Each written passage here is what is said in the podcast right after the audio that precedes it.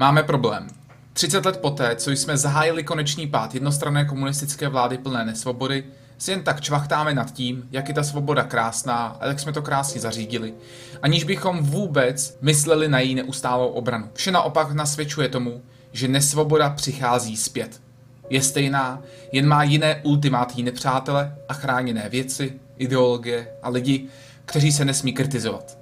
Je stejná, jen se přizpůsobila době a částečně zamořuje prostředí internetu. K 30. výročí si projdeme 30 znaků, které ukazují, že to s demokracií v údajně svobodném západě a u nás není možná tak horké a že je pořád za co bojovat. Za prvé, odpůrci politického hnutí, kteří se cítí být nadřazeni například cedulkou Chceme být v Evropské unii, dokonce i s vámi, a komunisté po jejich boku jim nevadili. Za druhé, kyberšikana pro každý podnik, který hostí nevhodnou kapelu. Ulička hanby pro diváky před hudebním koncertem. Za třetí, pod záminkou boje za klima celková transformace ekonomiky Evropy k socialismu. Státní podniky, hrozba inflace. Za čtvrté, omezování osobních svobod, zákazy a příkazy, omezování pomocí mezinárodních smluv všeho druhu. Za páté, zaklekávání nepohodlných firm, které náhodou většinou nějak konkurovaly velkému holdingu. Za šesté, komunisté, kteří obsadí budovu univerzity, aby se postavili před bystu Masaryka s tričkem Karla Marxe a hláškou, kterou zopakovalo mnoho proti systému bojujících levicových extremistů, jenž se ideologicky skrývají za boj proti klimatu.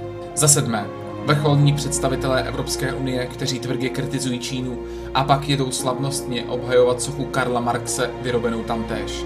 Za osmé, Německo, které má velké problémy s islámským extremismem a nechává rozvědkou sledovat opozici z alternativy pro Německo, kterou zemi bíjí a ohrožují na životě extrémní levičáci z hnutí Antifa.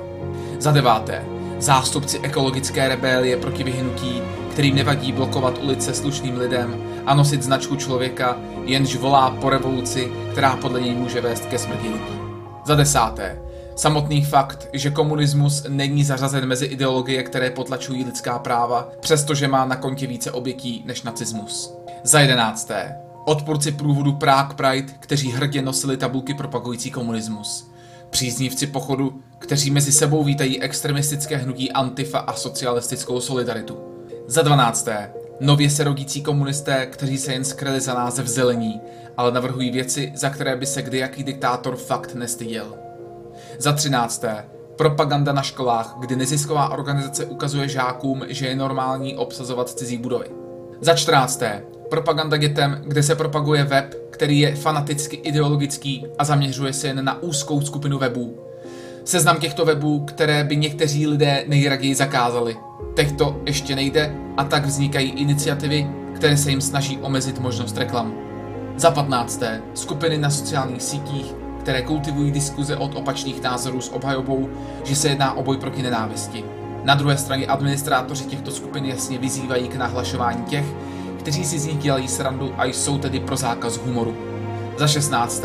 Seznam lidí s nevhodnými názory a zveřejňování informací, kde bydlí, kde pracují, kdy se narodili, od lidí, kteří si říkají elfové. Výzvy představitele českých elfů, který se diví, že demokraticky zvolený poslanec České republiky mluví v médiích. Za 17. Nesplnitelné emisní normy, které nutí automobilky vyrábět elektrická auta navzdory trhu, který poptává spalovací motory s podporou státu, který spalovacím motorům nabízí legislativní šikanu a elektrickým nesmyslné dotace. Omezování osobního vlastnictví automobilů. Za 18. Tlak na rezignaci za kritiku ekologické aktivistky, lacené záminky pro šikanu školačky i jejich rodičů. Za 19. Mediální utajování násilností policie proti občanům ve Francii a Španělsku, kde vládne extrémní levice, na druhé straně s kritikou ultralevicových vlád všude po světě. Šikana v režii Evropské unie proti Maďarsku a Polsku za každou drobnost, na druhé straně mlčení o policejní brutalitě ve Francii a ve Španělsku s poznámkou, že je to vnitřní záležitost státu. Za 20. Slib o diplomatickém řešení britského referenda o setrvání v Evropské unii a následná výhruška od předsedy Evropské komise před referendem o dezertérech. Poté loučení s předsedou Evropské komise ve stylu soudružského podlézání téměř bez známky kritiky. Za 21. Omezování práva na kritiku ideologie, která stála za násilím a teroristickými útoky.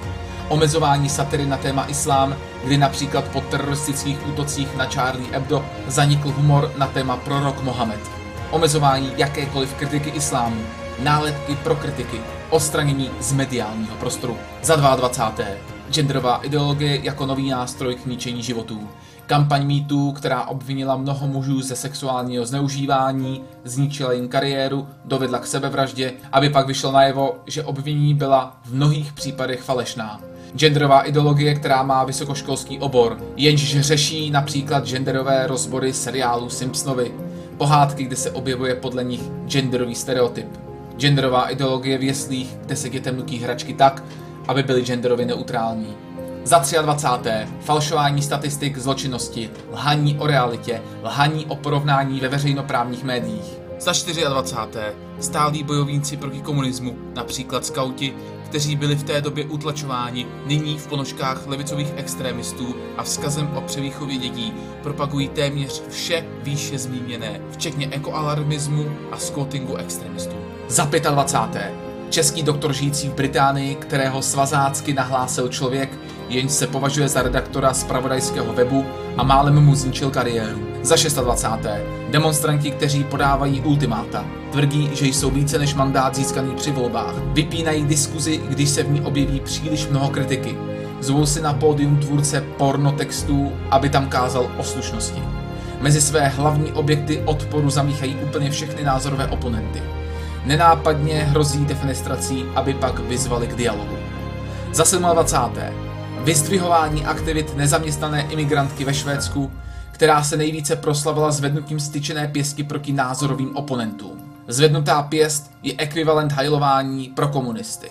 Nálepkování mužů v bílých košilích, který protestovali proti ilegální migraci, slovem neonacisté. Za 28. Snižování počtu účastníků názorově nevhodných demonstrací. Zcela plné náměstí 1,5 čtverečního kilometru označeno za tisíc lidí. Za 29. Obhajování zrůdného úřadu, který své volně již desítky let odebírá děti, často také rodinám pocházejícím z nich zemí. Ani špetka sebereflexe od těchto lidí. Propaganda a obhajoba ve veřejnoprávních médiích. Označování odpůrců za ruské agenty. Za 30.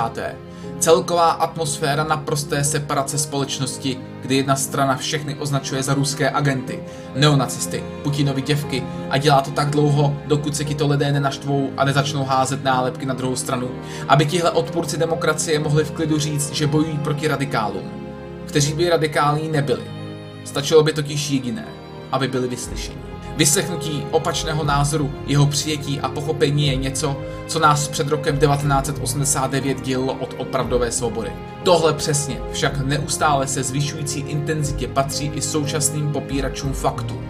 Těm, kteří zakazují pro ně nevhodné kapely, fanouškům pořádají uličky hamby.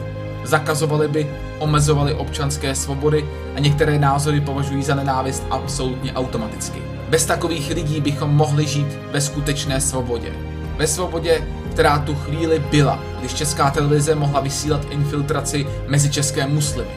Když satira nemusela mít žádné zábrany, protože si nikdo nestěžoval na rasismus a diskriminaci. Ve svobodě, kde vás vyslechnou, kde vás řeknou, že jste vítán a kde vás neponižují za to, koho volíte. Ve svobodě, kde na internetu můžete prezentovat jakékoliv názory a ty naprosto extrémní bude mít zákon a ne neurčitá pravidla soukromé společnosti. Ve svobodě bez omezení a restrikcí, které nedávají smysl a ve svobodě, kde je trh více než slepý boj za poručení větru a dešti.